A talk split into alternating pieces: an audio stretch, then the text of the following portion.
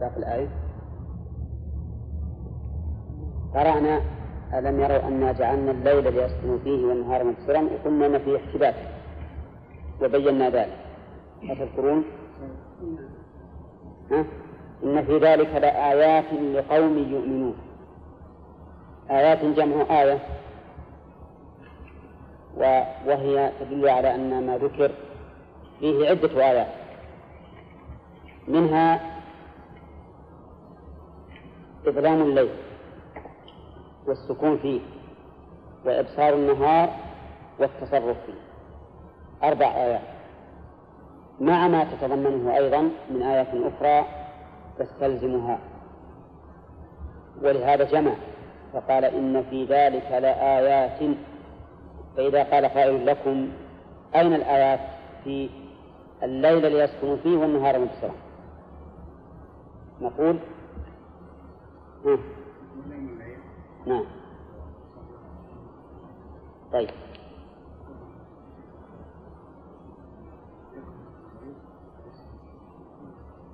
السكون في الليل والتصرف في النهار لأن إحنا قلنا حذف من من النهار ما ذكر في الليل وحذف من الليل ما ذكر في النهار يعني في المقابلة.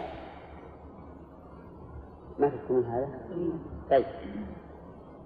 أما الفوائد مما سبق فهي أولا قال الله تعالى وإذا وقع القول عليهم أخرجنا لهم دابة من الأرض تكلمهم أن الناس كانوا بآياتنا لا يؤمنون. يستفاد من هذا خروج هذه الدابة إذا وقع القول على الناس وذلك بأن كفروا وأعرضوا عن دين الله سبحانه وتعالى أخرج الله لهم هذه الدابة. الفائدة الثانية أن هذه الدابة التي ذكر الله مبهمة.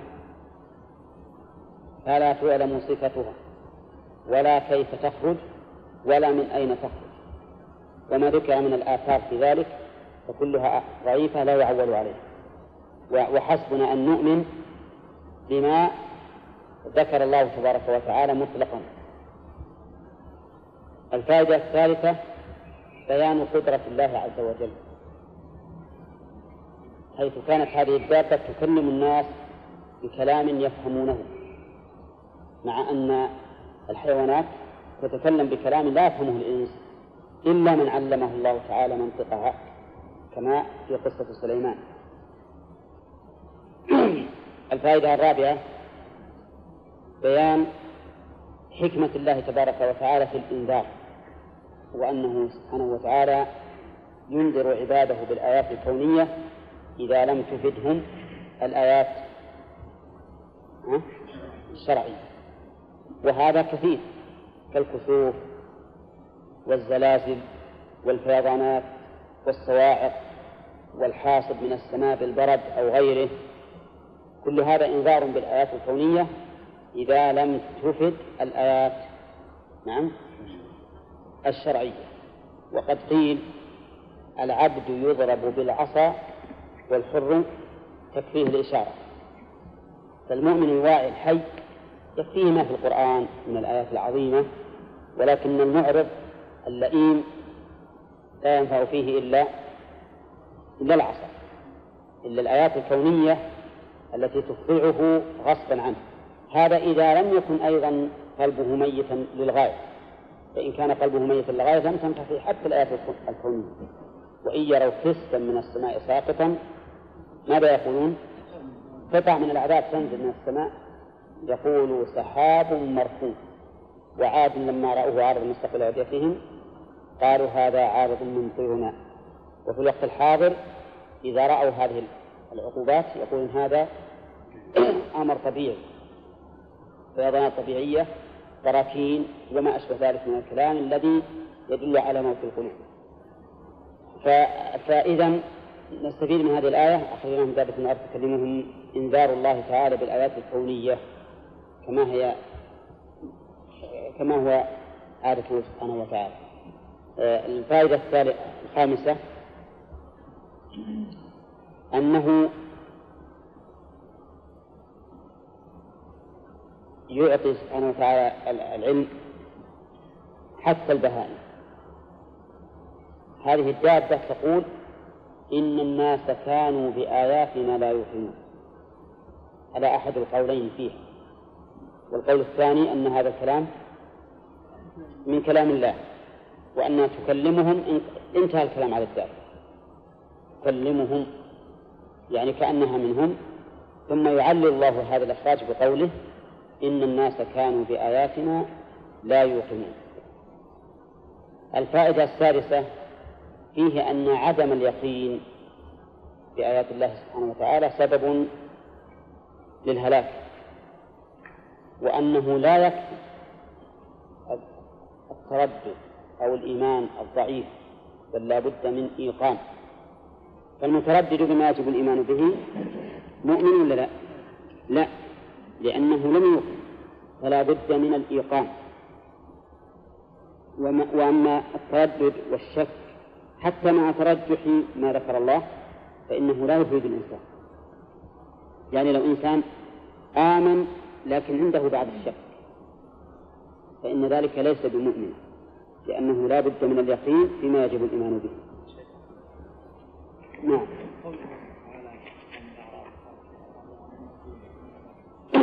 نعم. لا ما عندهم نوع من الشك لكن عندهم نوع من الانقياد يعني ضعف في الانقياد. وعدم علم ما أنزل الله. وأما لو كان عندهم شك ما صاروا مؤمنين. ما صاروا مؤمنين إطلاقا ولا ولا مسلمين أيضا. فهذا نفي كمال الإيمان لا نفي أصل الإيمان. وأما مع الشك فإن أصل الإيمان لم يوجد. كمال الإيمان الاعتقادي؟ الإيمان الاعتقادي إذا إذا لم يوجد كاملا فهو ما ينفع الإنسان. مفهوم؟ الإيمان يكون مفقودا عند الشك فيه. لا بد من الإيمان الجازم. ولهذا من شك فيما وعد الله به ومن شك في في أركان الإيمان الستة. إذا شك في واحد منها فهو كافر. لا بد أن يؤمن. شو أحمد؟ أي فهو كافر أيضا. لأن خبر الله يجب التصديق به. هل يمكن أن يؤمن الإيمان التام في جميع أركان الإسلام؟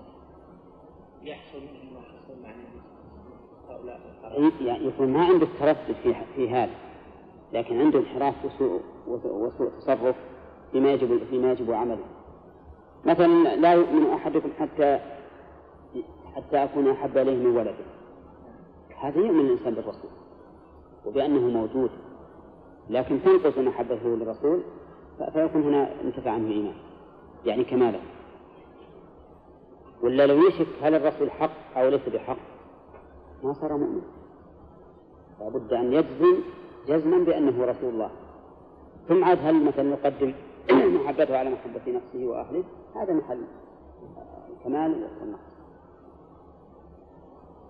طيب ويوم نحشر من كل أمة فوجا ممن يكذب بآياتنا فهم يوزعون إلى آخره.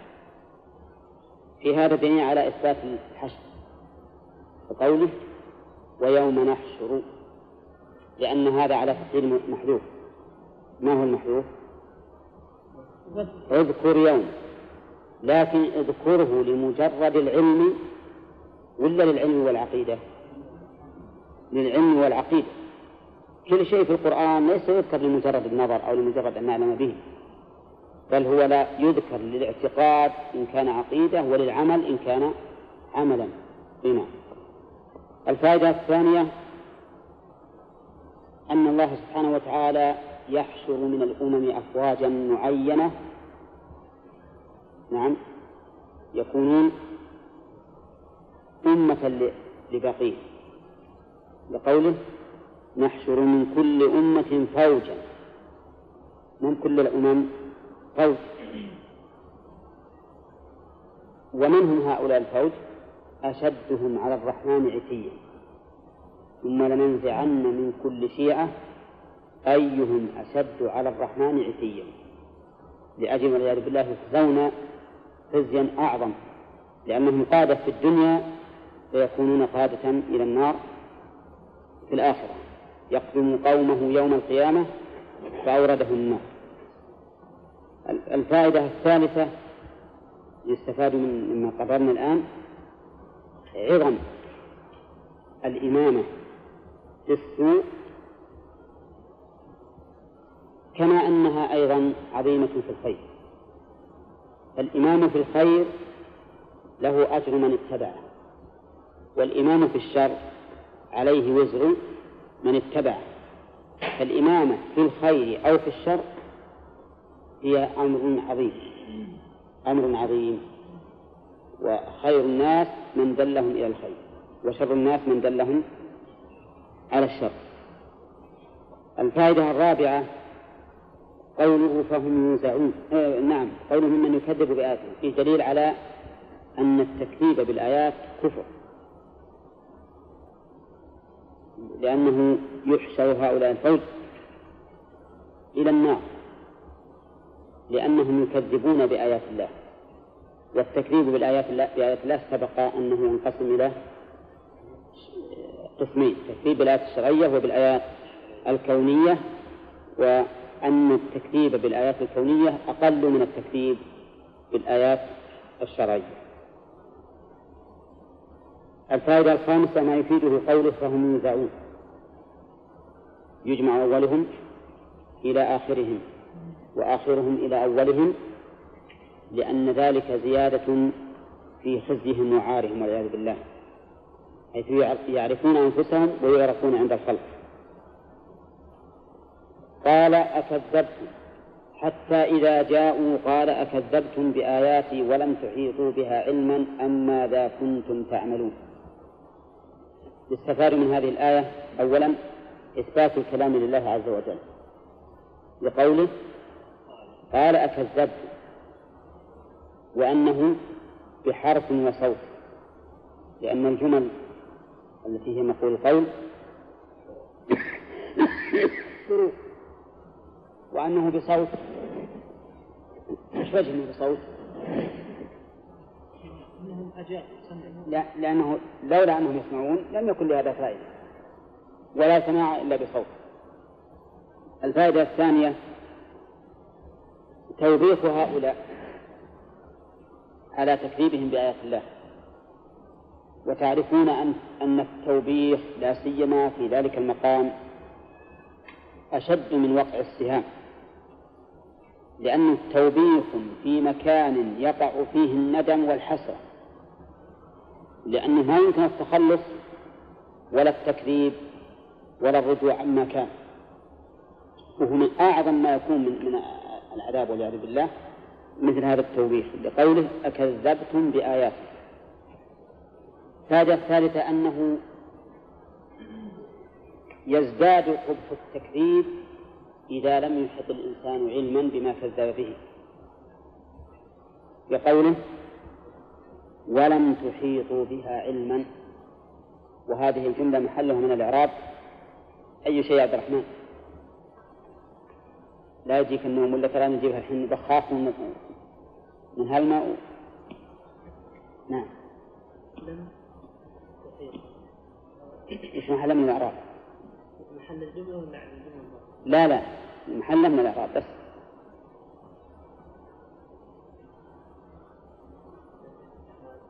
حال. الجملة حالية نعم. يعني والحال أنكم لم تحيطوا بها. الجملة إذا صار يصح قبله والحال كذا فهي جملة حالية.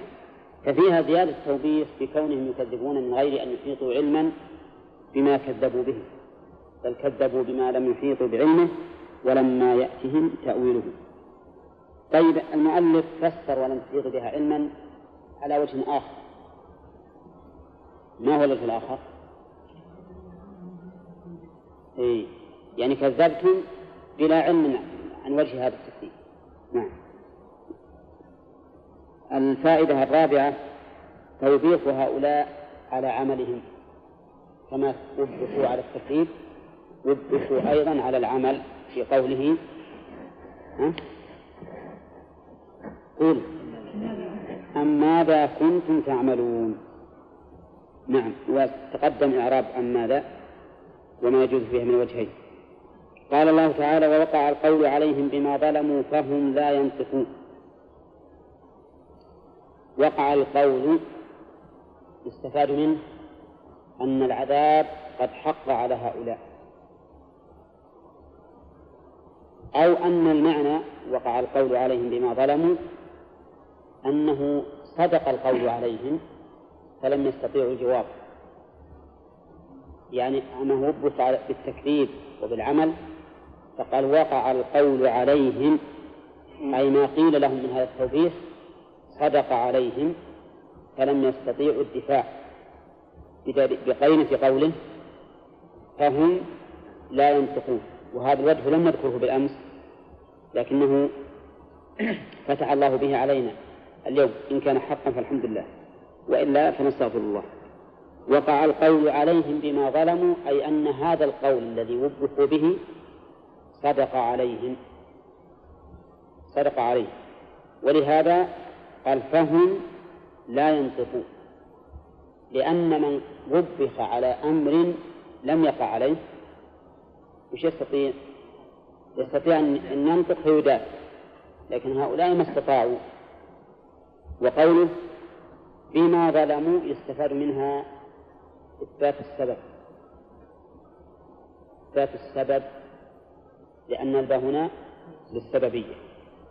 وإثبات الأسباب هو مذهب أهل السنة والجماعة وأن الأمور مقرونة بأسبابها. يقول العوام وقد قال الله تعالى وجعلنا لكل شيء سببا. صحيح هذا؟ لا. هذا ليس ليس في القرآن. نعم.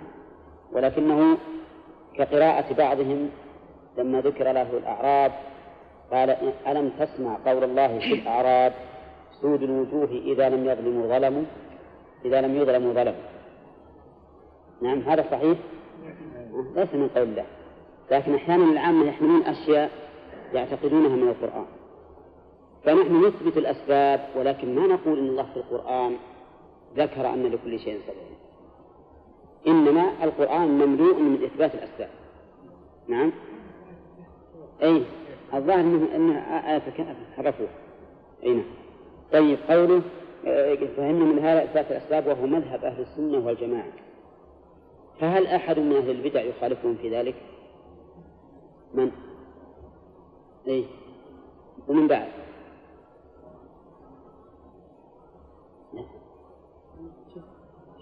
الجبرية. الجبرية والأشاعرة ما يثبتون الأسباب. ويقولون إن فعل الله سبحانه وتعالى لمجرد المشيئة. المعتزلة على عكس من هؤلاء. يرون أن الأسباب موجبة ولهذا يقولون أن الله يجب عليه فعل الأصلح والصلاح. الصواب الصواب أن نقول إن المعقول والمنقول يدل على أن الأسباب مؤثرة. ولكن ولكن أي ولكن بأمر الله. مؤثرة لكن بأمر الله. وكم من سبب كان مؤثرا ثم لم ينفع إذا لم يرد الله تعالى أن ينفذ هذا الشيء. طيب آه، وفي ذا وفي الفائدة الخامسة أن الله تعالى لا يظلم الناس شيئا ولكن الناس أنفسهم مظلومون ثالثة ثالثة لقوله بما ظلموا بما ظلموا. أولى يعني فهذا الأمر الذي الذي نزل بهم بسبب ظلمهم ولم يظلمهم الله سبحانه وتعالى. الفائدة الرابعة أن ليوم القيامة أن للناس في يوم القيامة أحوالا. لهم أحوال مختلفة. مين؟ فهم لا ينطقون. لأن الله ذكر في بعض الآيات أنهم ينطقون ويدافعون. يقولون والله ربنا ما كنا مشركين. ويقول تعالى يومئذ يود الذين كفروا وعصوا الرسول لو تسوى بهم الأرض ولا يكتمون الله حديثا نعم. فهم يتك... فأنت الآن ما يمكن أن تجمع بين الآيات هذه إلا إذا قلت إن الناس لهم أحوال. حال يمكنهم الكلام وحال لا يمكنهم فيها الكلام وبهذا يتآلف القرآن. وهو مؤتلف. الفائدة طيب ألم يروا أنا جعلنا الليل ليسكنوا فيه والنهار مبصرا إن في ذلك لآيات لقوم يؤمنون.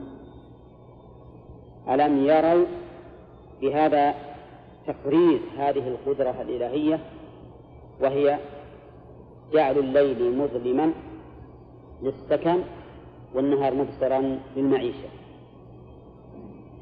قوله. وهذه النعمة كل مقر بها ولهذا قال ألم يروا الفائدة الثانية الاستدلال بالشاهد على الغائب فإن هذا الليل والنهار ما أحد من الخلق يستطيع أن يغير فيهما أقل تغيير ولا لا؟ من إله غير الله يأتيكم بضياء؟ من إله غير الله يأتيكم بليل تسكنون فيه؟ فالقادر على هذا التغيير قادر على البعث. قادر على البعث. الإنسان في الليل يموت يتوفى ثم يبعث في النهار. وهو الذي يتوفاكم بالليل ويعلم ما جرحتم بالنهار ثم يبعثكم فيه ليقضى أجل مسمى. فالقادر على هذا قادر على إعادة الناس بعد موتهم. الفائدة الثالثة بيان فضل الله سبحانه وتعالى بجعل الليل والنهار على هذه على هذا الوصف. ظلام للسكن وإبصار للعمل. لو كان الليل كله لو كان الدهر كله ظلاما ما عمل الناس. ولو قدر أنهم رتبوا أعمالهم لاختلفوا. وكذلك لو كان نهارا ما سكن الناس. ولو قدر أنهم رتبوا أوقاتهم وجعلوا مثلا نصف الوقت سكن ونصف الوقت عمل لم يتفقوا فيه. ولكن من رحمة الله سبحانه وتعالى أنه جعل الليل والنهار ليسكن الناس جميعا ويبتغوا من فضله جميعا. الفائدة الرابعة أنه ينبغي للعاقل أن يعتبر بهذه الآيات وأن الاعتبار بها من الإيمان. لقوله إن في ذلك لآيات لقوم يؤمنون. الفائدة الخامسة أن الانتفاع بالآيات بقدر ما مع الإنسان من الإيمان لأنها رتبت على وصف والمرتب على وصف يزيد بزيادته وينقص بنقصانه. نعم.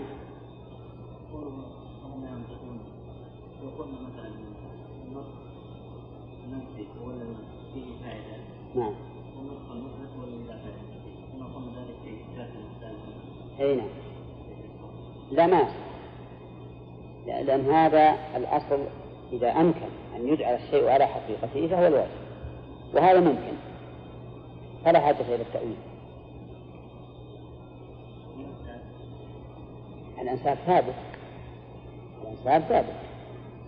والذين آمنوا واتبعتهم ذريتهم بإيمان ألحقنا بهم ذريتهم وهذا في الجنة. إذا فالنسب ثابت حتى في الآخرة. إيه الأنساب تنفعهم يعني النفي هنا لنفي النسب لأن النسب ثابت في الدنيا والآخرة كما سمعت. فلذلك احتجنا إلى تأويل. قال الله تعالى ويوم ينفخ في الصور.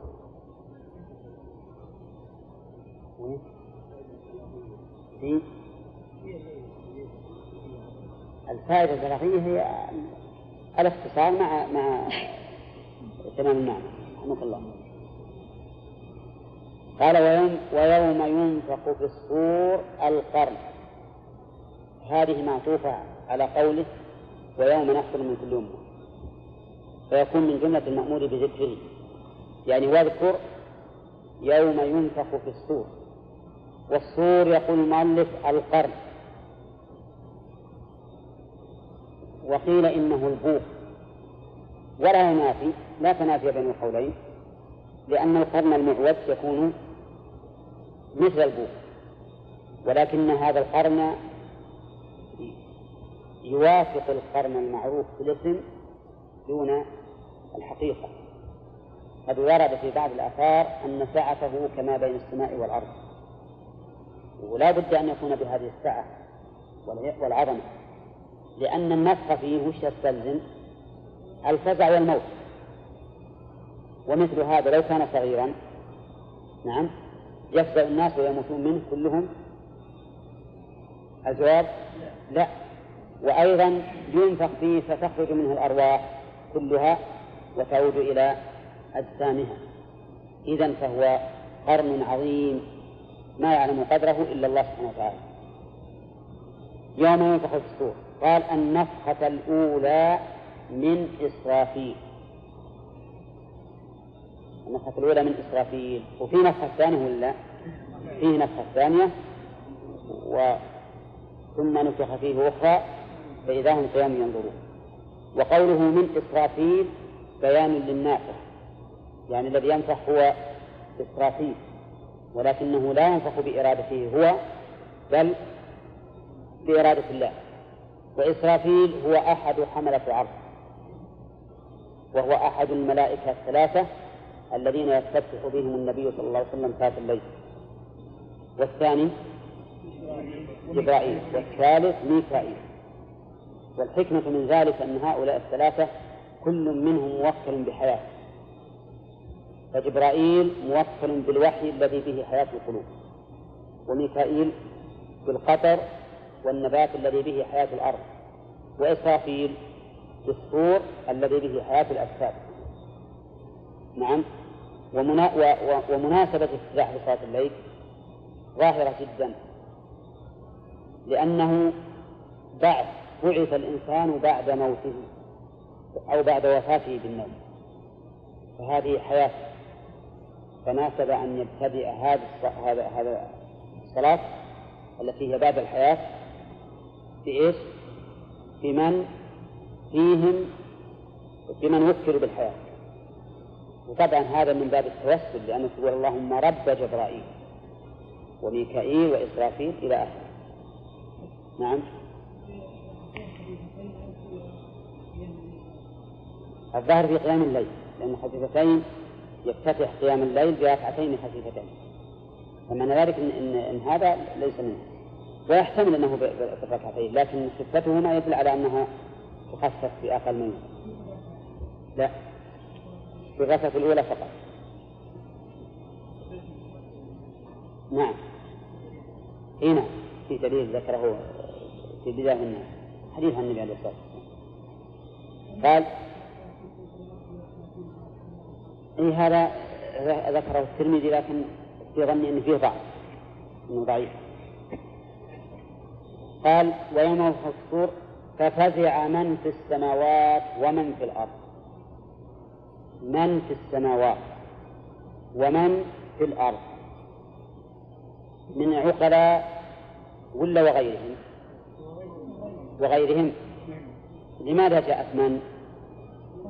تغليبا. تغليبا. ولأن العاقل أشد فزعا من غير العاقل. ولا لا؟ لأن العاقل يفزع للحاضر والمستقبل وغير العاقل للحاضر فقط الحاضر فقط ولا يهم المستقبل. نعم. ولهذا لو سمعت لو سمعت صدمة لص بالباب قوية وعندك صبي كلكم يفزع من هذه الصدمة القوية لكن الصبي إذا انتهت الصدمة وقف. ما صار عنده شيء نبت في قلبه وأنت تفكر في المستقبل وتخاف. فلهذا غلب من هنا في جانب الفزع لأن فزعهم أعظم يكون للحاضر والمستقبل. وهنا قال ففزع من في السماوات. وفي آية الزمر فصعق من في السماوات. فهل هنا نفختان؟ فإذا جمعت إذا الثالثة فإذا هم قيم ينظرون صارت ثلاث نفخات أو أن نفخة الفزع والصاق واحدة وأن الناس يفزعون أولا ويصعق ثم يموتون فزع يليه الموت. نعم لأن الظاهر والله أعلم أنه إذا نفخ يكون صوت عظيم ممتد فيفزعون ثم يموتون.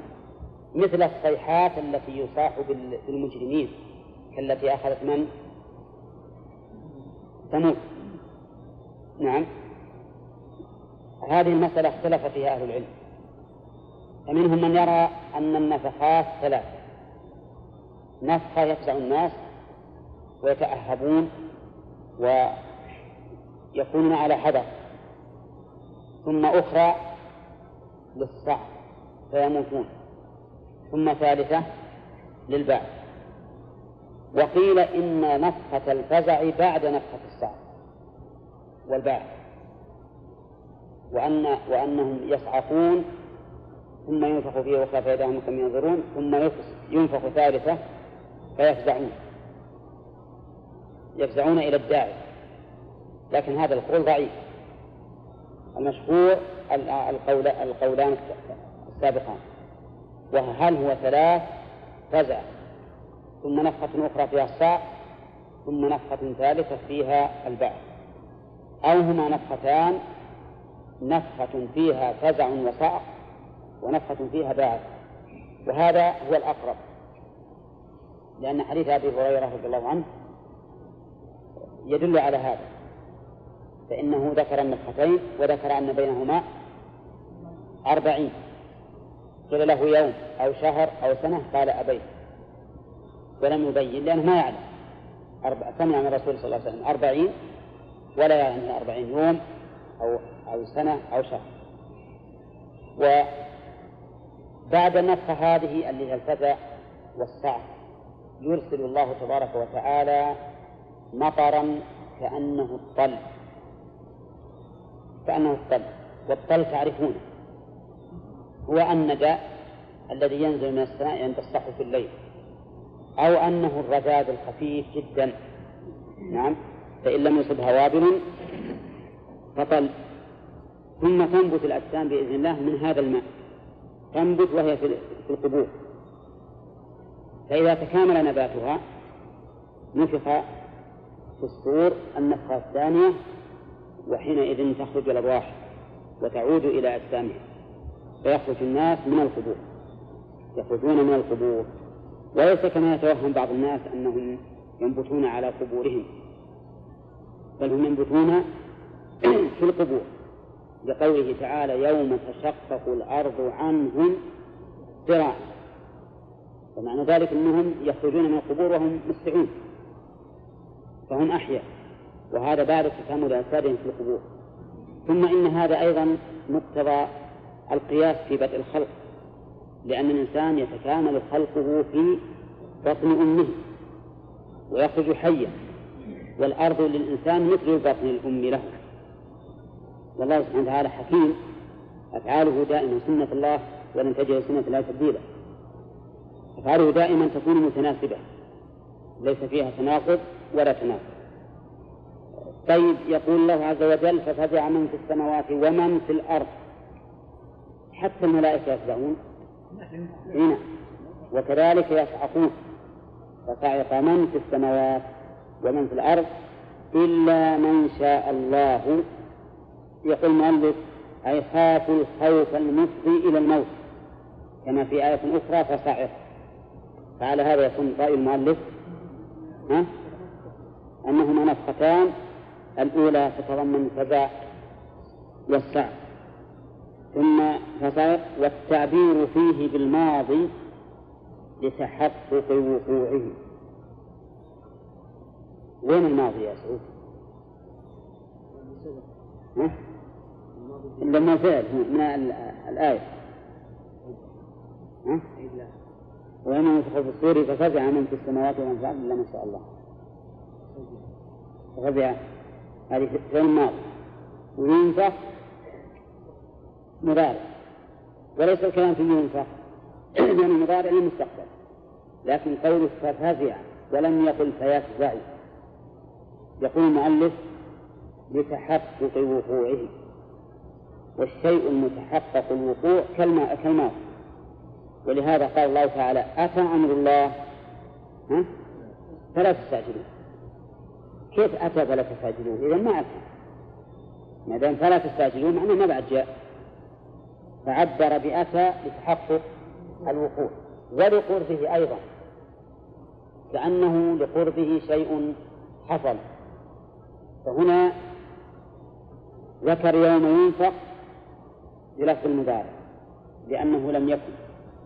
وذكر الفزع الذي يتصف به الناس نعم بلفظ الماضي كأنه شيء قد وقع بهم. إلا من شاء الله. إلا من شاء الله.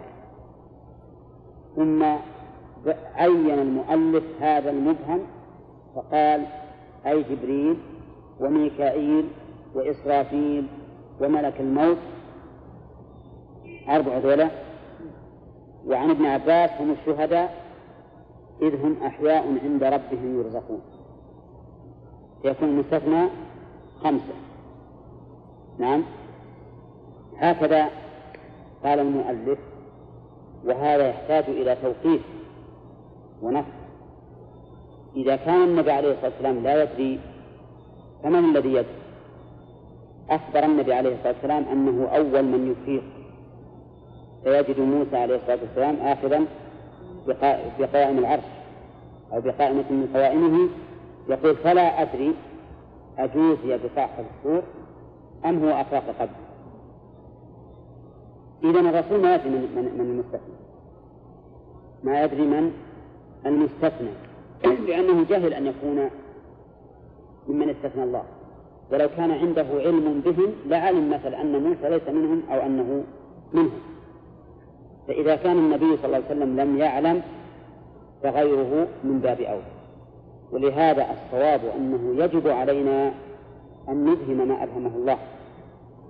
إلا إذا جاءنا عن الرسول عليه الصلاة والسلام فإن الله يقول عالم الغيب فلا يظهر على غيبه أحدا إلا من ارتضى من الرسول. وأما إذا ما جاءنا عن عن المعصوم شيء في هذا فالواجب علينا أن نبهم ما أفهمه الله. والأمر في هذه المسائل من الخطورة بمكان نعم؟ حتى آدم. ما نستثني أحد أبدا. إلا من شاء الله. فإذا قال قائل من الذي شاء الله؟ نقول الله أعلم نفهم أن الله سبحانه وتعالى استثنى أحدا. قد يكون واحد وقد يكون ألفا وقد يكون ألفين وقد يكون عشرة آلاف ما يدري إلا من شاء الله. كيف؟ هو اللي ورد ربما ينفخ ويصعق من حين نفخ. ما نفخ. المهم ما هو شيء يمكن أن يتعين أو أن نعينه. إلا بدليل عن معصوم وهذا أيضا يجب عليكم في كل شيء نفهمه الله. كل شيء نفهمه الله. ما يمكن نعين حنا إلا إلا بدليل. بدليل عن الرسول عليه الصلاة والسلام. الله أعلم إن صح عن ابن عباس فقد يقول قائل ابن عباس ممن عرفوا بالأخذ عن الإسرائيليات فيخشى أن يكون هذا مما أخذه من بني إسرائيل. وإن كان يبعد أن يفسر القرآن بما أخذه عن بني إسرائيل. لأن الصحابة عندهم من الورع ما يمنعهم من ذلك. فإذا جاءنا وهذه نقطة ينبغي أن نتفطن لها. إذا جاءنا عن ابن عباس ونحوه ممن عرف الأخوان الإسرائيليات تفسير للقرآن بهذا تفسير للقرآن بهذا فإنه قد قد نمانع في كونه مردودا. لأن ابن عباس ما يمكن يفسر كلام الله بما أخذه عن بني إسرائيل وقد قال الرسول عليه الصلاة والسلام إذا حدثكم بني إسرائيل فلا تصدقوهم ولا تكذبوهم لأن هذا يقتضي أننا إذا فسرنا القرآن بما قالوا فقد صدقناه. فقد صدقناه. وهذا بعيد من الصحابة أن يفعلوا. فالإنسان يتوقف فيما إذا جاء تفسير الآية عن, عن ابن عباس وغيره من الصحابة الذين أخذوا من بني إسرائيل يتوقف في رده. وذلك لهذا الوجه الذي ذكرنا. وإن كانوا إذا ذكروا شيئا لا يتعلق بالتفسير كالقصص اللي ما أشار إليه القرآن فهذه يمكن أن نأخذه أما إذا جعلوه تفسيرا لشيء معين من القرآن كما في هذه الآية فالإنسان يتوقف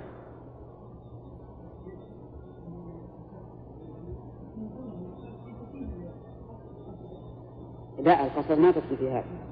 القصص إذا ما في مهم في القرآن لكن لو يفسر شيء في قصة هذا هو اللي ذكر لكن قصة مستقلة ما أشار إلى القرآن هذا ما, ما يكون على على بال ها؟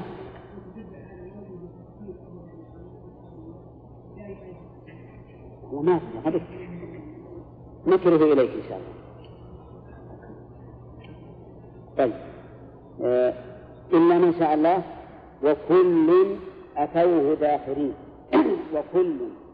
تنوينه تنوينه عوض عن المضاف إليه. أي وكلهم بعد إحيائهم يوم القيامة أتوه أي أتوا الله عز وجل داخرين كل يقول تنوينه عوض عن المضاف إليه. وش المضاف إليه؟ وش التقدير؟ وكلهم. نعم وكلهم. إذا تنوير عن التعويض عن اسم عن كلمة. والتنوين تنوين العوض يقولون إنه ثلاث أقسام. وأنتم ملحين علينا أن ما نتعدى نكتة في النحو إلا من بينين إلا ما من شأننا. التنوين العوض ثلاث أقسام. عوض عن جملة عوض عن كلمة عوض عن حرف. مثل حينئذ وأنتم حين فلولا إذا بلغت الحلقوم وأنتم حينئذ تنظرون يقول هنا التنوين عن عن جملة. يعني حينئذ بلغت. نعم. غلبت الروم في أدنى الأرض وهم بعد غلبهم سيغلبون في بضع السنين. لله الأمر من قبل ومن بعد. ويومئذ يفرح المؤمنون. ويومئذ عوضا عن جملة وهي ويومئذ يغلب الروم. ويومئذ يغلب الروم. نعم. عوض عن عن اسم مثل هذا. تنوين كل وبعض. فإنها عوض عن اسم مثل قوله وكل أي وكلهم. نعم. وإن كل لما جميع الذين محضرون أي وإن كلهم. وإن وإن كلا لما ليوفنهم ربك أعمالهم. أي وإن كلا نعم. العوض عن حرف هو الذي يلحق مثل جوار وغواش. جوار وغواش يقول أصلها جواري وغواشي وحذفت الياء وعوض عنها التنوين. حذفت الياء وعوض عنها التنوين. وهذا بالحقيقة ما مسألة التعويض عن الحرف. ما له ضيف المهم اللي يمكن يترتب عليه معنى أو فهم المعنى هو العوض عن عن جملة أو قال وكل نعم. وكل أتوه أتوا من؟ أتوا الله. بصيغة الفعل واسم الفاعل اذكرها باسم الفاعل. إيه أتوه يقول بصيغة الفعل واسم الفاعل.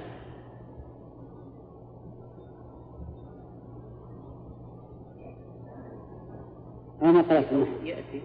لا. لا. نعم. آتي. إيه. اسم الفاعل على وزن فاعل. آتي. وإذا قلت بالرواية تقول آتوه. وكل آتوه ها؟ طيب. كل أتوه. هذا هذا الفعل. واسم الفاعل. كل آتوه. نعم. طيب داخرين صاغرين مش عرابة حال. أما حال مين؟ لا أعوذ بالله من فاعل. من مفعول أتوا نعم. مفعول أتوا. من الها يعني؟ من الها إذا كان فعلا واضح إن حال. لكن كلا آتوه داخرين كيف تكون حال؟ أين العامل فيها؟ اسم الفاعل. نعم. العامل فيها اسم الفاعل. لأن اسم الفاعل يعمل عمل فعله. وقوله داخرين أي صاغرين الله أكبر. في ذلك الوقت حتى الرؤساء وحتى الملوك وحتى الأمراء وحتى الأسياد كلهم واحد. كلهم يأتون في حال الصغار. أعظم ملك في الدنيا وأعظم رئيس في الدنيا نعم اللي ما يمشي إلا على الزل وبين يديه و و و وبين يديه وخلفه وعن يمينه وعن شماله خلائق البشر. يأتي يوم القيامة صاغرا. يأتي يوم القيامة صاغرا ولكن هذا الصغار بالنسبة لعظمة الخالق. لمن الملك اليوم؟ لله الواحد القهار. ثم قد يكون بالنسبة للشخص أيضا وقد يكون بالنسبة لعظمة الخالق فقط. فهم جميعا بالنسبة لعظم الله لعظمة الله فقط.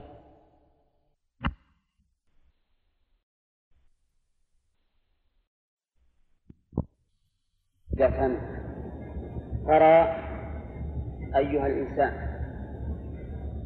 فالخطاب ليس خاصا بالنبي صلى الله عليه وسلم لأن هذه الرؤية له ولغيره. والجبال معروفة. والرؤية هنا بصرية. قال المؤلف تبصرها. وقوله وقت النفخة فيه نظر. لأن وقت النفخة لم يكن الناس قد قاموا من قبورهم ولكنها تراها يوم القيامة بعد أن يأتي الناس إلى الله تعالى داخلين. تحسبها تظنها. والجملة في قوله تحسبها في موضع نصب على الحال لأننا قلنا إن الرؤية هنا بصرية. والرؤية البصرية لا لا تنصب إلا مفعولا واحدا. ومعنى تحسبها؟ أي تظن. ولما تقدمون هنا يا أخي. تعالوا هنا. وأنت اقرأ يمكن؟ هنا لا لا ادخل ادخل. أحسن لك ما يجيك النوم.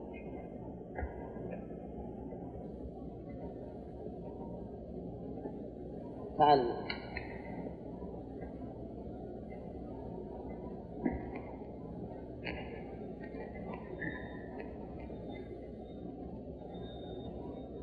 تحسبها بمعنى تظنها.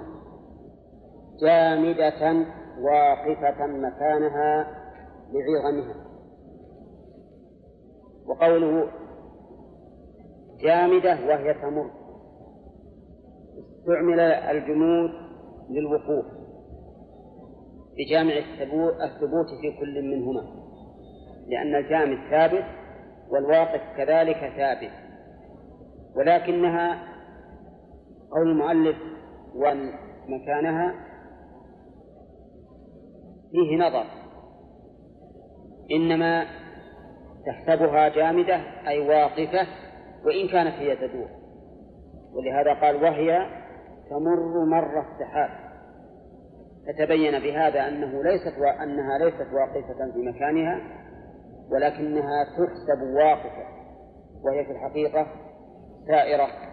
ولهذا قال وهي تمر مر السحاب المطر إذا ضربته الريح أي تسير سيره حتى تقع على الأرض فتستوي بها مبثوثة ثم تصير كالعهد ثم تصير هباء منثورا. قوله مر السحاب يقول المطر وفيه نظر أيضا. والصواب أن المراد بالسحاب هذا السحاب المعروف. والمعنى أنها تسير كما يسير السحاب بالسرعة وهي أبلغ من المطر الذي فسره به المؤلف حيث قال إنه مثل المطر إذا ضربته الريح. المطر إذا ضربته الريح تجده يزول عن عن مكانه. ولكنه في الحقيقة ليس كما تصوره كما يتصوره الإنسان من الآية. بل إن الآية على ظاهره والمراد بالسحاب هو السحاب المعروف فإنه يمر بسرعة. ثم إن مشابهة الجبال للسحاب أقرب من مشابهة الجبال للمطر. نعم. قال الله تعالى وينزل من السماء من جبال فيها من برد فيصيب به من يشاء ويصف عن من يشاء. فالصواب إبقاء الآية على ظاهره بدون تأويل. وقوله تمر مر السحاب السحاب معروف أنه يمر بسرعة. ولا لا؟ يمر بسرعة. فهي إذا تقتلع من مكانها وتكون مثل السحاب هباء يطير. ثم يقول المؤلف إنه بعد ذلك تقع على الأرض فتستوي بها مبثوثه هذا محتمل ما قاله المؤلف أنها بعد صعودها ومرورها مر السحاب تقع على الأرض ثم تستوي به الأرض. ويحتمل أنها تبقى طائرة ثم تكون هباء منثورا بمعنى أنها أولا تضعف حتى تكون كالعهن المنفوش. ثم بعد ذلك تطيب من الأرض حتى تمر مر السحاب. مشاهدة لها لها جسم متماسك. ثم بعد ذلك تكون هباء منثورا تتبدد وتتفرغ. وذلك من عظم الأهوال يومئذ.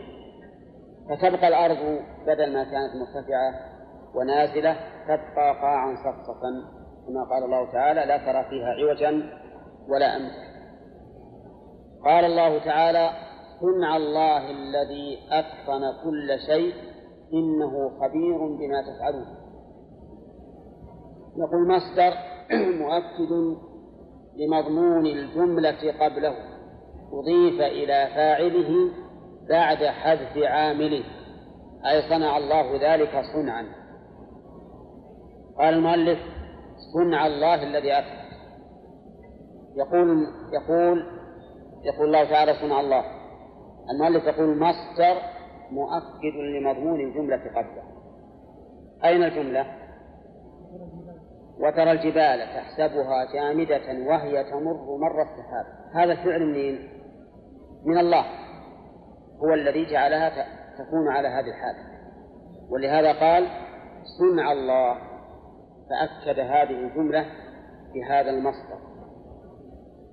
إذا إذا كانت الجملة إذا كان المصدر مؤكدا لجملة قبله فإنه عند النحويين يجب حذف عامله. يجب حذف عامله.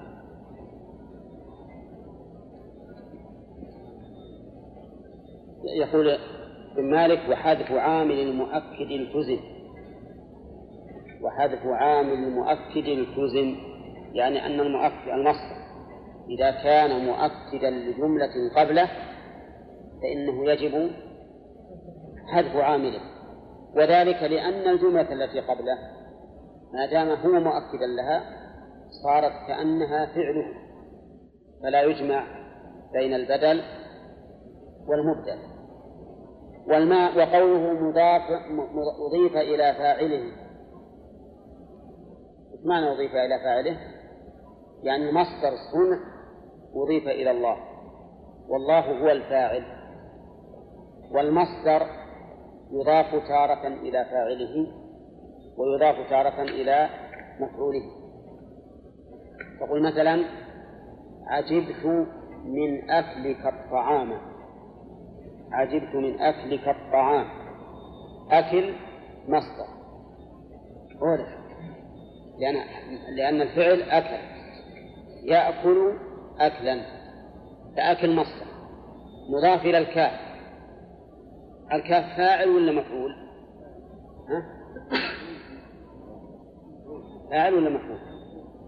من أكلك الطعام أنت آكل ولا مأكول؟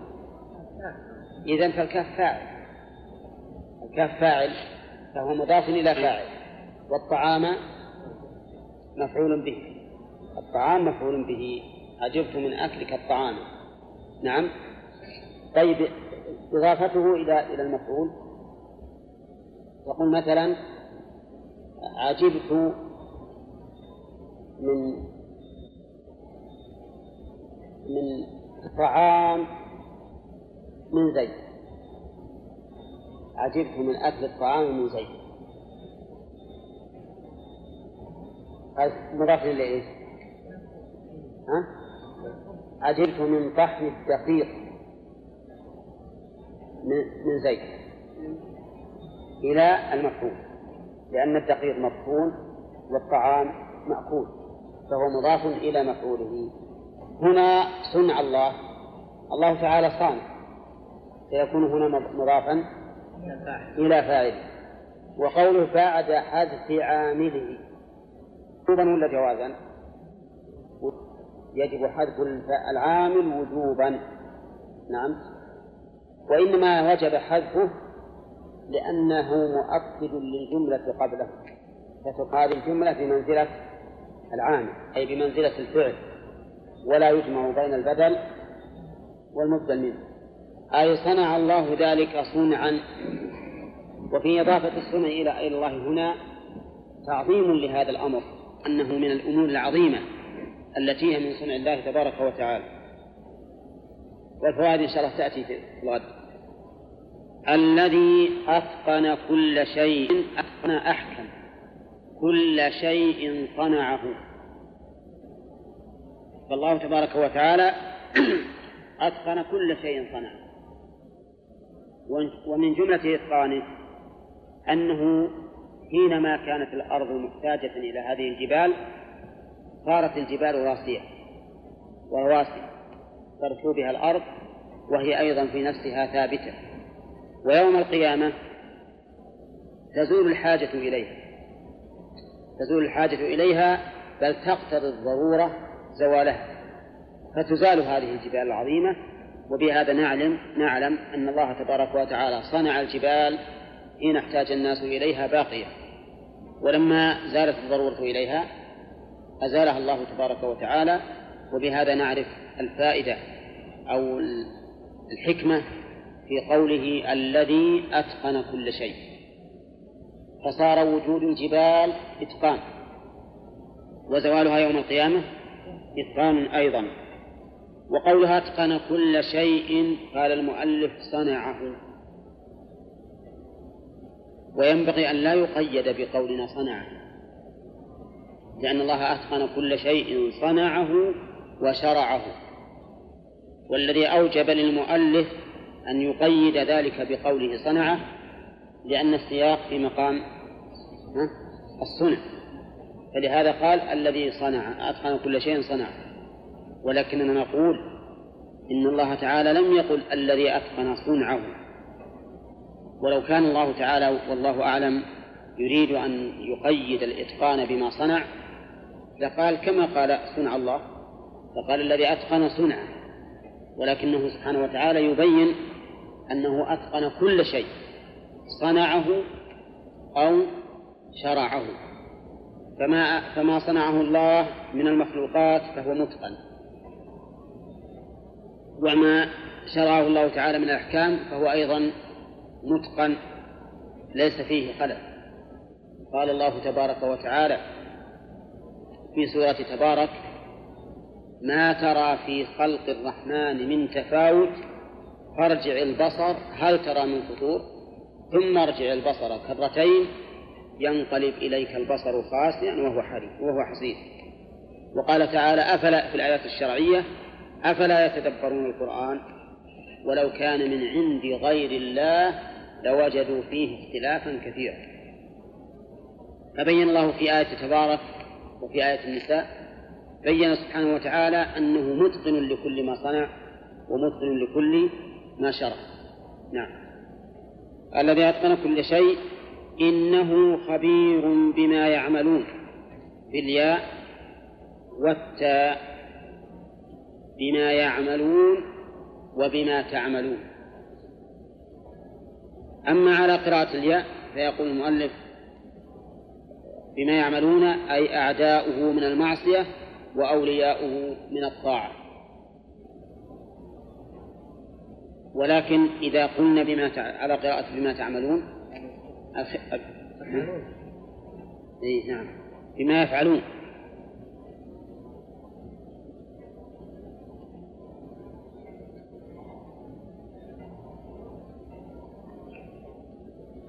بما تفعلون تفعلون ويفعل خطاب لجميع الناس.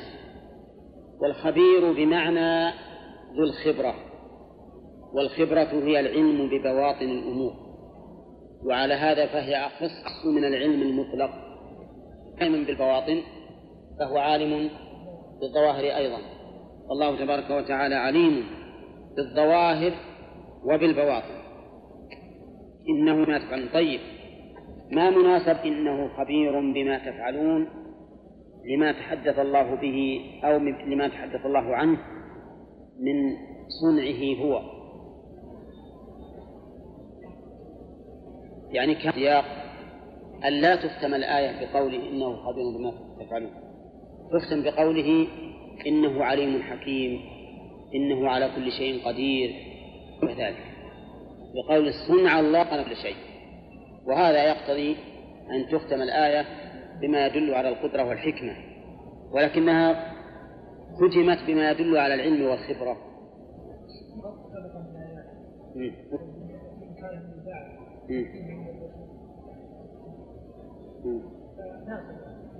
وإذا كان الله سبحانه وتعالى خبير ما يحصل من الفزع فهو خبير ما يعني الله أعلم أن الحكمة من ذلك هو أن قوله صنع الله الذي أتقن كل شيء أنها جملة معترضة بالنسبة للمعنى لا بالنسبة للإعراب. وأن المقام يقتضي قارب بأن الله سبحانه وتعالى يعلم ما يفعلون. لأن يوم القيامة هو يوم الجزاء والجزاء مرتب على أي شيء؟ على العلم. لهذا قال إنه خبير بما تفعلون. نظيره قوله تعالى زعم الذين كفروا أن لا يبعثوا. قل بلى ورب لتبعثن ثم لتنبؤن بما عملتم وذا الله يسير. فيكون هنا ذكر العلم بما يفعل الناس في سياق يوم القيامة. للإشارة إلى هذا اليوم هو يوم الجزء الذي يجب على المرء أن يعمل له ويحتاط له. واضح؟ طيب ما هو الإشكال اللي أوردنا هنا وما هو الجواب؟ الإشكال يا عبد الله؟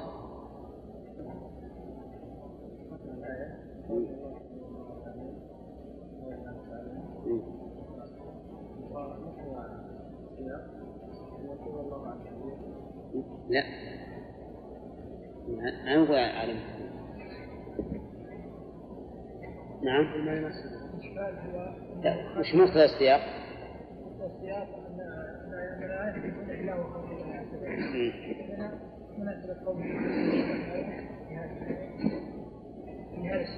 لكن ما هو المناسب الذي يمكن أن تفترى به الآية في في بادئ الأمر؟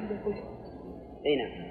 يدل على القدره والحكمه فقولها صنع هذا للقدره الذي أتقن كل شيء للحكمه فكان بادئ الأمر أن يكون المناسب ختم ختم ختم الآية بما يدل على القدرة والحكمة. ختمت بالعلم بما يفعل العباد. فما هو الجواب عن هذا عن العدول عن الأول إلى هذا الثاني؟ صنع الله عبد الله ما المعنى المعنى وكان مقتضى أن يأتي بجملة تدل على علمه بما ما يعني لما كان عن اليوم الآخر وهو موضع الجزاء ها؟ كان الأنس يعني كان مقتضى السياق أن يؤتى بما يدل على علمه بما يفعل العباد الذي سوف يجازون عليه في ذلك اليوم نعم. ونظرنا لذلك بقوله. جبنا نظير لهذا. قوله تعالى. نعم.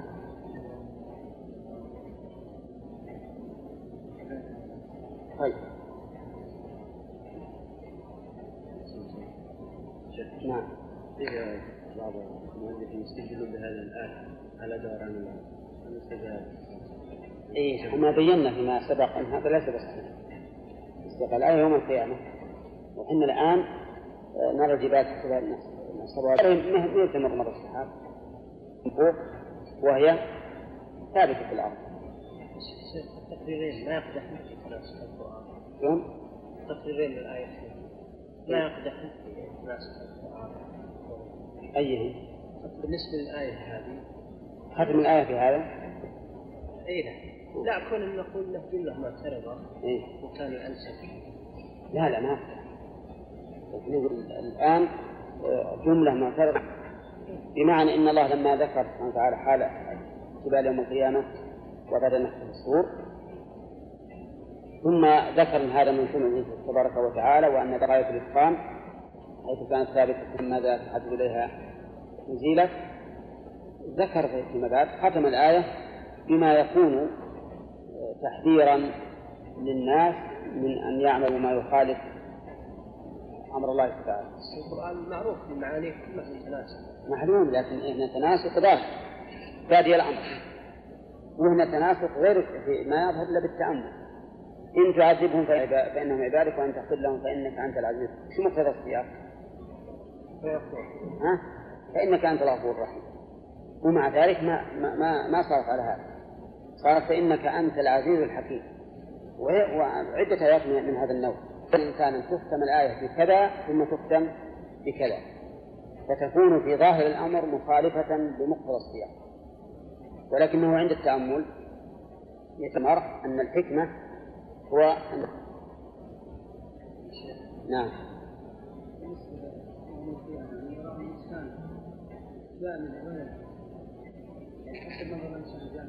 كيف تمر؟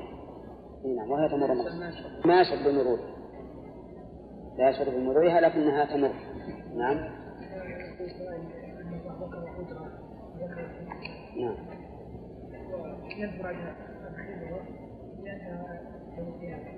قدير على العادة تعليمكم حكيم لا يعد يضع العذاب من موضعه وخبير يفعل ولا يأتي أحد من العدل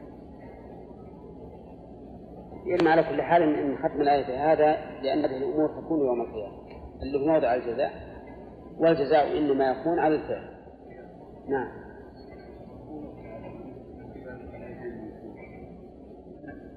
إيه؟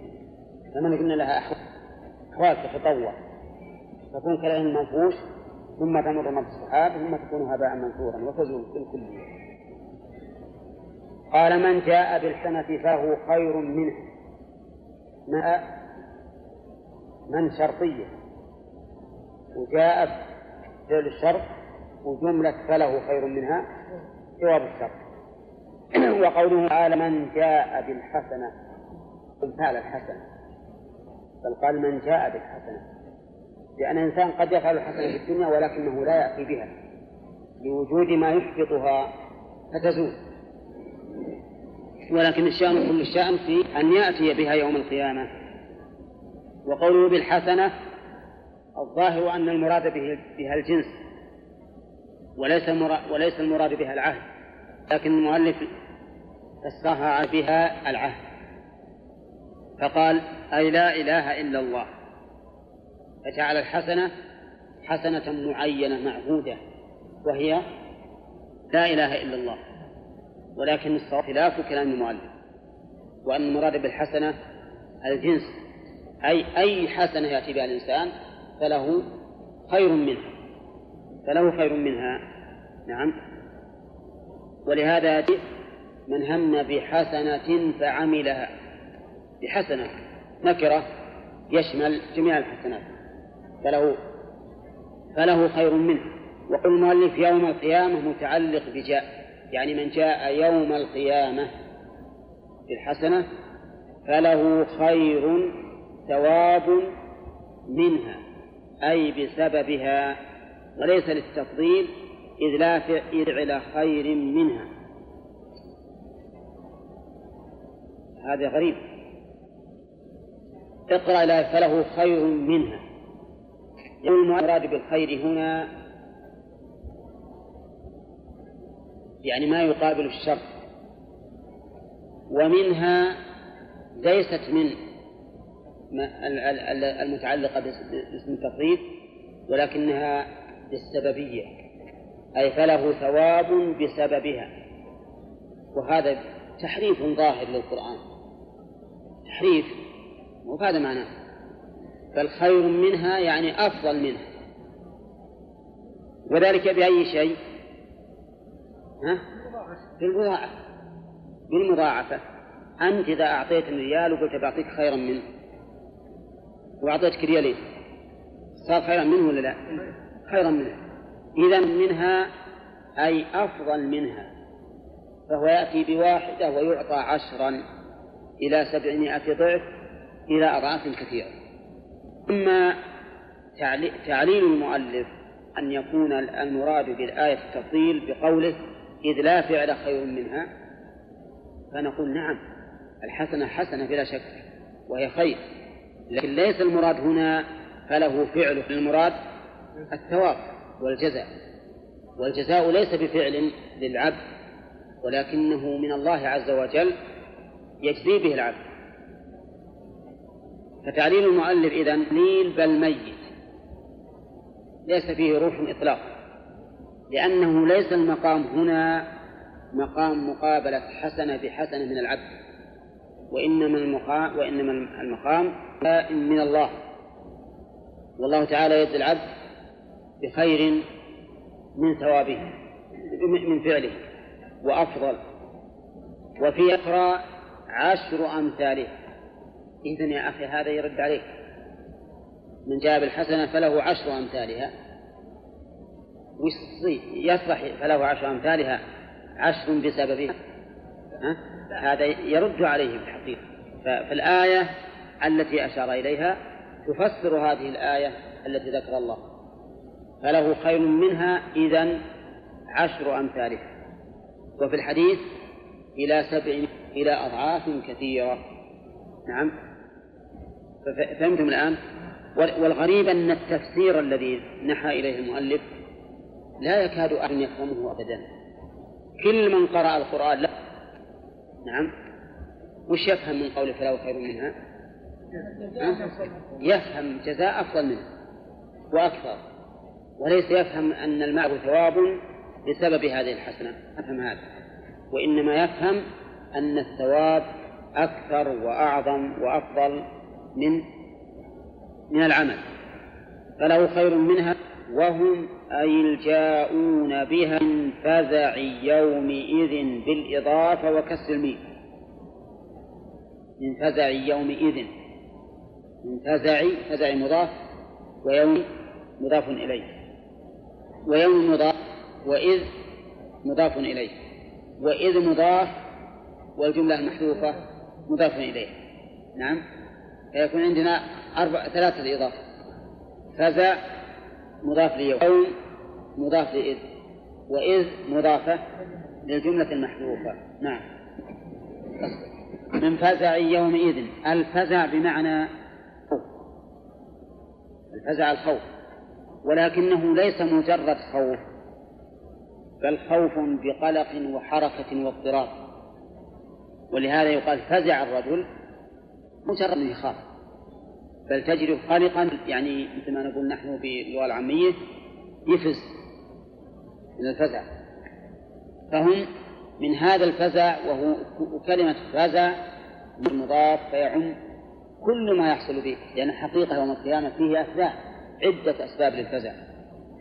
كأخذ, كأخذ الكتب بالشمال أو باليمين وكذلك أيضا دنو الشمس نعم وكذلك الميزان وكذلك وغير ذلك. كذلك أيضا ينادي على الظالمين هؤلاء الذين كذبوا على على الله وما أشبه ذلك. كل هذه تثير المرء وتوجب الفزع. لكن هؤلاء الذين يأتون بالحق من فزع يومئذ وأضاف الفزع إلى يوم القيامة لأنه فزع لا نظير له في الدنيا. فزع لا نظير له. وفي وفي أخرى. بفتحها وفزع منونا وفتح الميم.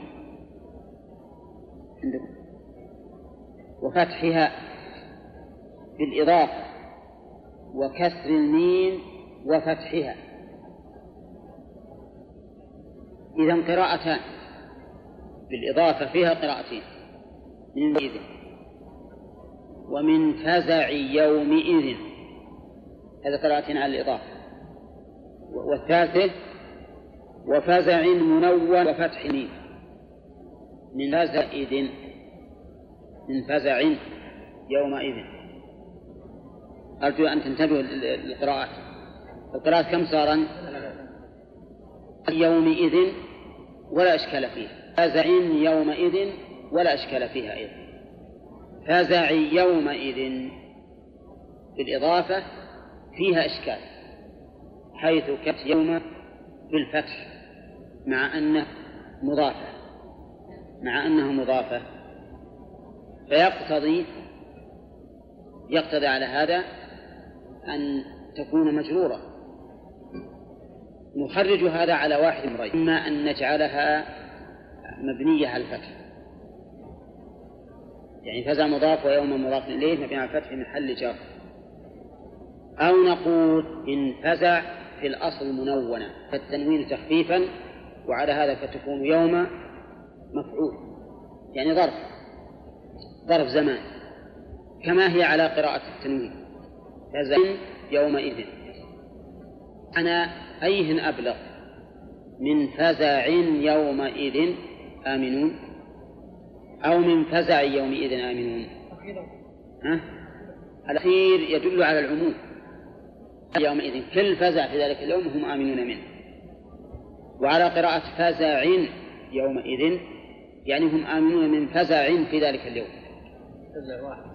أن يكون فزعا واحدا إلا فإنه على تقدير من كل فزع. من فزع أي من كل فزع. آمن فتوافق القراءة الأولى التي هي ولكن القراءة بالإضافة أحسن لأنها لا تحتاج إلى إلى تأويل. طيب وقوله آمنون فزع هل المعنى أنهم لا يفزعون أو أنهم يفزعون لكنهم آمنون؟ هذا اللي هذا اللي السنة. إنه ما يصلنا في يوم القيامة. يفزعون ويقولون اللهم صل وسلم. سواهم من باب أولى العامة هيك أيضا على أحد التفسيرين الذي اللذين أشرنا إليهما في قوله ويوم ينفخ في الصور ففزع من في السماوات من هذا الفزع بعد النفخ بعد القيام يعني بعض العلماء يرى إن إن النفخ يكون بالصعق والبعث نفختين ثم نفخة ثالثة للفزع بعد البعث. نعم. ف... ولكن هذا سبق أن قلنا أنه مرجوح وأن الصواب أن الفزع هو الذي يكون به الصعق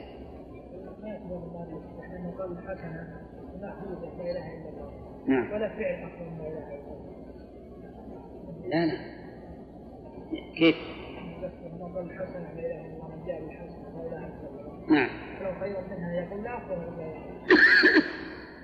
هذا يمكن على بناء على تفسير. إيه لكن هذا خطأ. ما نفسر القرآن بشيء ل... طيب يقول إذا هم آمنون من الفزع. يحتمل أن المعنى أنهم لا يفزعون إطلاقا ويحتمل أنهم يفزعون ولكنهم آمنون. فيكون هذا الفزع مجرد شعور بما يفزع منه فقط وليسوا يخافون منه. ثم قال ومن جاء بالسيئة أي الشرك مثلها من جاء نقول فيها كما قلنا في قوله من جاء بالحسنة. لأن الإنسان قد يعمل السيئة ولكنها ولكنه لا يأتي بها. شلون يعملها ولا يأتي بها؟ يتوب منها أو تكون له أعمال صالحة تكفرها أو ما أشبه ذلك. نعم لا. مجرد مشيئة الغالب أنه أنه يغفر يوم القيامة. يوم القيامة لا هنا يقول من جاء إلا جاء بكثرة. ولهذا يقرر بذنوبه ثم يقال غفرناها لك وما وقوله أي الشرك فيه نظر. وإنما حمله على تفسيره الحسنة بأنها لا إله إلا الله وهو توحيد. فقال ومن جاء بالسيئة أي الشرك ولكن الصواب أن المراد بالسيئة هنا الجنس. فيشمل كل سيئة. ومن جاء بالسيئة فكبت وجوههم في النار بأن وليتها وذكرت الوجوه لأن وذكرت الوجوه لأنها موضع الشرف من الحواس وغيرها من باب أولى. نعم. الذي أوجب للمؤلف أن يحمل السيئة على الشرك جواب الشر ومن جاء بالسيئة فكبت وجوههم في النار. فيقول إنها لا إلا للكافرين وهذا فيه نظر أيضا. لأن من جاء بالسيئة ولو دون الشرك فإنه إن لم يغفر له يحب في النار.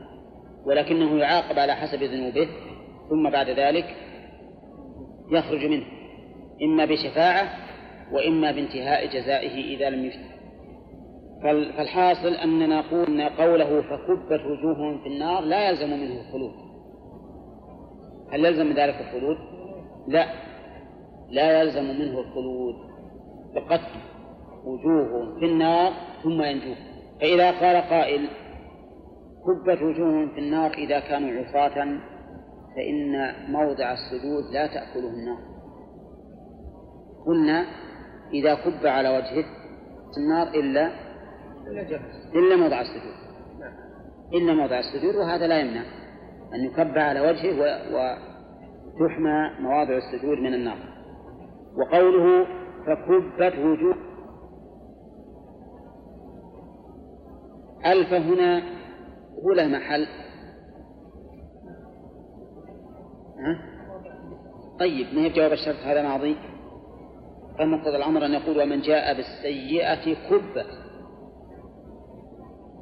لأن آه، فعل الشرط إذا كان ماضيا وجوابه إذا كان ماضيا ما يحتاج إلى الفاء نعم. ماضي لكن بمعنى لأنه إذا ما ثبت وقوعه بالماضي يقولون إن الألا تدل على تقدير قد يعني فقد كبت. وتكون دالة على تحقيق هذا الأمر لأن قد للتحقيق قد للتحقيق ولكنه حرفت لفظ إليها معنى فالفاء تشير إلى قد وحذفت لفظا لأن قد للتحقيق والمسألة لم تقع فكان في تحققها أو في تحقيقها بقد وهي لم تقع نوع من التناقض فلذلك حذفت في اللفظ وأشير إليها بالمعنى بالفاء. وتعلمون أن جواب الشرط إذا اقترن بقد يجب أن يكون مقرون اسمية طلبية وبجامد وبما وقد وبلن وبالتنفيذ سبعة مواضع. إذا كانت جوابا للشرط وجب اقتران الفاء بها. الله أعلم. بس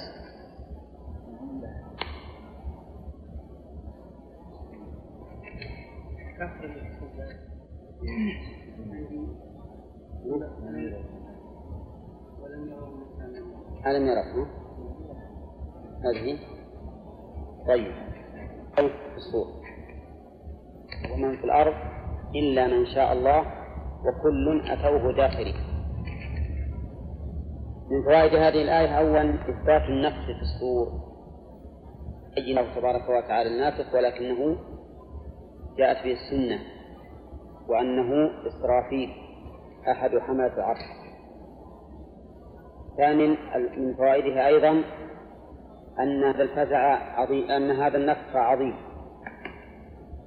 عظيم لأنه ينتج الفزع ففزع من في السماوات ومن في الأرض.